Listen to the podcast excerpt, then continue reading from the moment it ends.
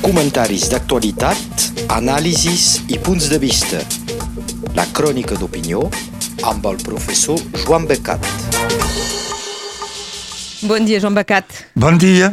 Avui començarem parlant de Vladimir Putin perquè és perseguit per crims de guerra. Efectivament, la notícia ha caigut divendres passat. La Cort Penal Internacional de la Haia ha demanat a tots els estats que en són membres de detenir Vladimir Putin per ser jutjat per crims de guerra. Putin perseguit amb un ordre de captura com qualsevol criminal. I això per sempre. És, in, és una mica increïble. És possible i és probable que no sigui realment detingut, llevat que caigui del poder a Rússia, a Rússia mateixa, i que un nou règim o el govern el lliuri. Però aquest ordre de detenció mereix unes observacions liminars. La primera és que un tribunal penal instituït per 123 estats pensa que hi ha prou motius comprovats per jutjar-los com un criminal de guerra. Fins i tot, si no s'arriba mai a veure'l davant dels jutges, ell és marcat a vida com a criminal de guerra. No se podrà treure mai aquest vestit infamant. També no se sap mai què pot passar d'aquí 10, 20 o 30 anys, perquè aquest ordre de detenció quedarà, passi el que passi, durant els anys. Hi ha un exemple recent d'un dirigent dels Khmer rojos, un dels autors del genocidi del, del Cambodja, que ha estat capturat, jutjat i condemnat 30 anys després. També ha passat pels criminals de guerra nazis. Ara per ara, és una satisfacció per Ucraïna, pel seu poble i dirigents, de saber que la justícia internacional designa clarament Putin com a criminal. Pels països que els ajuden a lluitar, serà també una incitació a continuar a ajudar-los. Precisament eh, és que ens podeu parlar d'aquest eh, tribunal. Sí, perquè és particular. Això dit, eh, quins són els seus límits i qui eh, en fa part. Tothom recorda un dels primers tribunals internacionals, el de Nuremberg, de l'any 45, on els vencedors van jutjar els principals dignitaris i responsables nazis pels crims de guerra i el genocidi dels jueus i se descuida sovint dels Ingar, dels ziganes, dels gitanos. Després, suscitat per les Nacions Unides, s'han creat diversos tribunals internacionals, però eren tots específics. Per exemple, per l'ex-Iugoslàvia i la guerra dels Balcans, pel genocidi dels Tutsi a Ruanda, un altre pel Liban, tots amb seu a la Haia, als Països Baixos. Però són tribunals específics perquè només se cuiden del tema que tenen assignat, no dels altres. No són permanents ni per tots els casos. La diferència és aquesta. Al 1998, fa relativament poc temps, els representants d'un grup d'estats membres de les Nacions Unides, reunits a Roma, van decidir de crear aquest acord penal internacional que és permanent i per tots els casos de genocidi, de crims de guerra o de crims contra la humanitat que serien denunciats. Això és la novetat. Ara bé, no és retroactiu, sinó que examina les denúncies posteriors a la seva posada en plaça, que va ser l'any 2002, quan ja 60 estats havien ratificat aquests acords de Roma. L'acord penal internacional no persegueix estats, sinó persones responsables d'aquests crims o genocidis.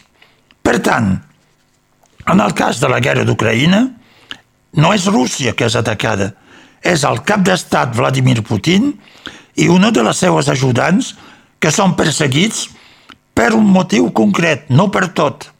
Aquí és per la deportació d'infants dels territoris ocupats d'Ucraïna cap a Rússia.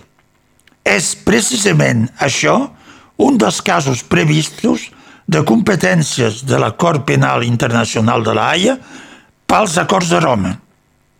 Ucraïna estima a 16.000 aquestes raptacions d'infants i probablement són més.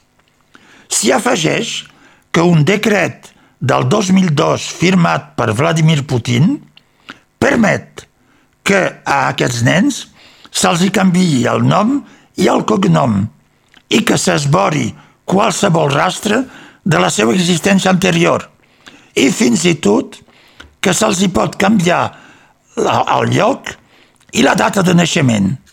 És a dir, que és una voluntat deliberada d'esborrar el que són i de prohibir també que se'ls retrobi un dia.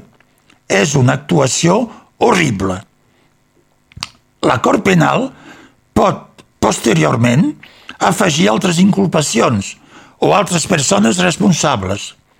Per ara, no ha incorporat els crims de guerra contra la població civil, car és a la justícia d'Ucraïna de fer la instrucció, de trobar i de verificar la, les proves i de determinar els responsables.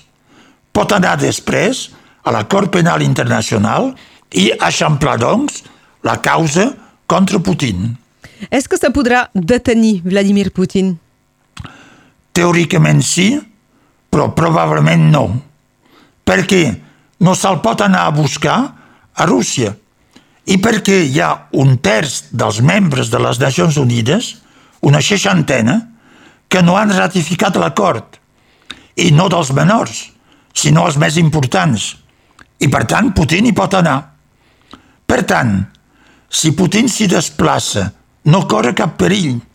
I també s'ha vist, ho cal dir, en altres casos investigats per l'acord de la Haia, per exemple, sobre estats africans, com Uganda, Mali, Congo, Sudan, per Palestina, per l'Afganistan, que responsables perseguits siguin de visita oficial dins un estat que ha firmat els acords i que no passi res.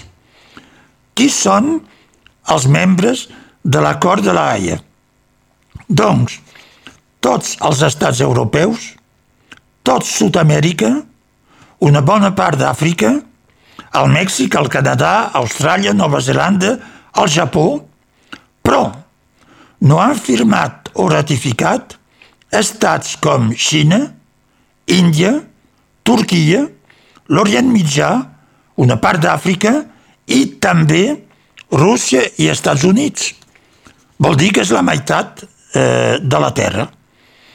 La reacció de Vladimir Putin i dels seus va ser, evidentment, de menysprear l'ordre de detenció, comparant-lo a un paper de vàter, per expressar molt concretament on se'l posaven.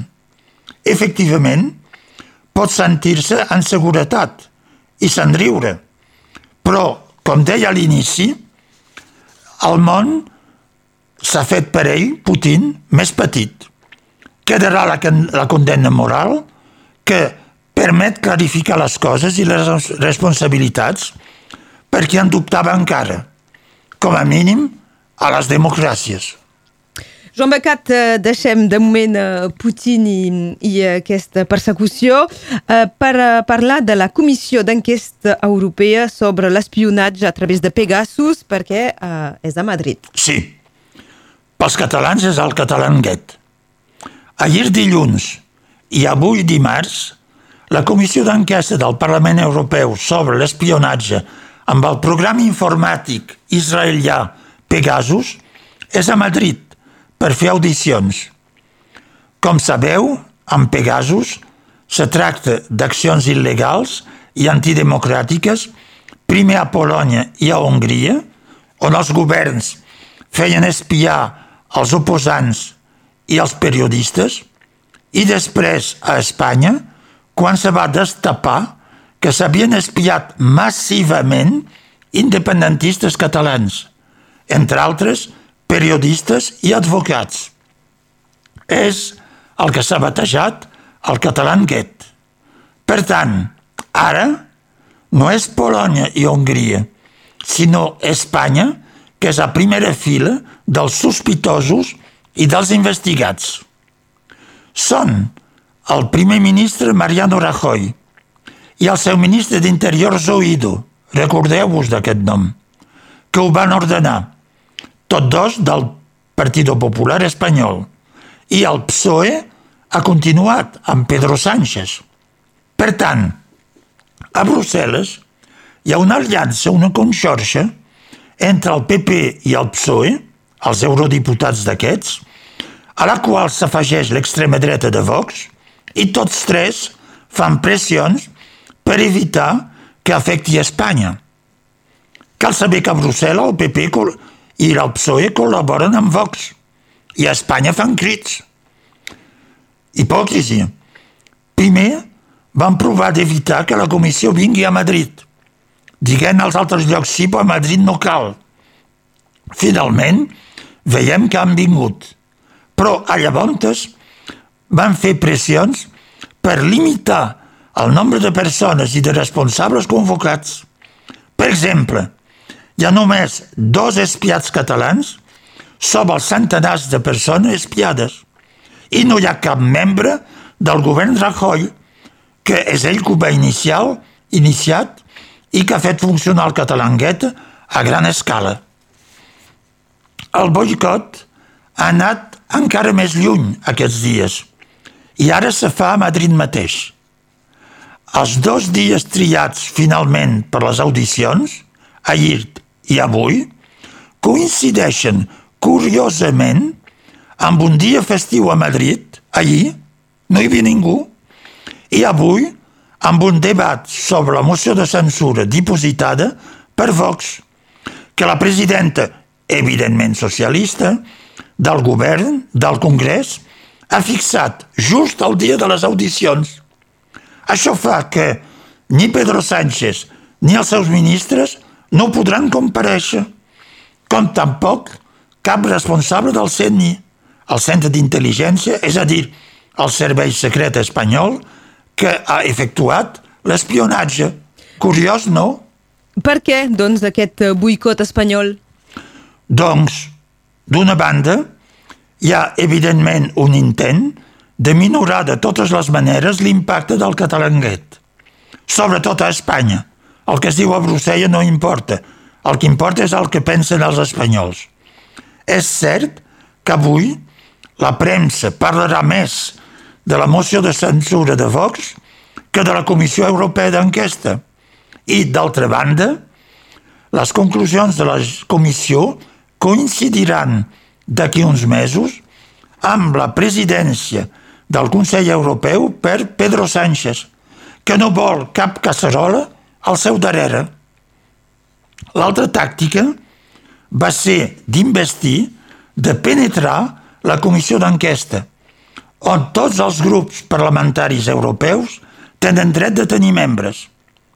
Els dos grups més importants del Parlament, el Partit Popular Europeu i els socialistes, hi tenen cadascú tres membres, sobre 11, o sigui la majoria, i el president.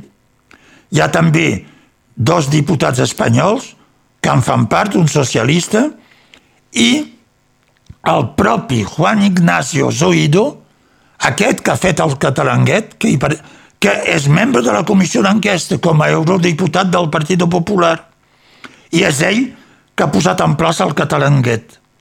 Ell no serà interrogat, perquè és de la comissió, quan és qui podria explicar més coses. S'hi afegeixen tres diputats més, dos diputats d'extrema dreta, un francès de l'Assemblement Nacional i un espanyol de Vox, que són aquí, evidentment, per defensar els estats Polònia, Hongria i Espanya, dos del grup Renew, essencialment el Derts, una holandesa i una polonesa, i Diana Riba, d'Esquerra Republicana, ella mateixa espiada. Ara bé, seran audicionat, malgrat tot, el president Pere Aragonès i la consellera de la Generalitat, Meritxell Seret, tots dos espiats. I també han estat ahir audicionats els membres de la comissió d'investigació del Parlament català i diverses entitats espanyoles. Curiosament, a costat d'Amnistia Internacional a Espanya, que s'entén, és un denunciant, hi ha diverses entitats espanyoles ultranacionalistes i a costat d'això no hi ha ni la NC ni Òmnium Cultural, que van ser espiades massivament. I també s'ha fet venir periodistes espanyols que, curiosament, dubten del laboratori canadenc Citizen Lab, que ha denunciat, i que justifiquen l'espionatge per la defensa d'Espanya. Ara bé, dins la comissió d'enquesta sabeu que hi ha divisions, perquè hi ha membres que critiquen la posició del govern espanyol, mentre ahir, al final de les audicions, era els membres, uns membres se van aixecar per marxar, mentre Zoido justificada una vegada més la posició espanyola. Ell és membre per interrogar i passa el temps a contradir els testimonis. Doncs com és possible que se minorin els espiats i que s'ompli la, la, la, les audiències de contraris a la investigació? Doncs, perquè és la majoria de la comissió que decideix de les invitacions i els seus membres que els proposen. Us acabi de dir qui són. Tot est dans tout et réciproquement. En tornarem a parlar de tot això quan la comissió d'investigació donarà el seu informe d'aquí pocs mesos. Gràcies, Joan Becat.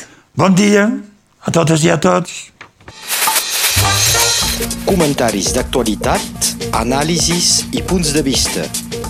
La crònica d'opinió amb el professor Joan Becat.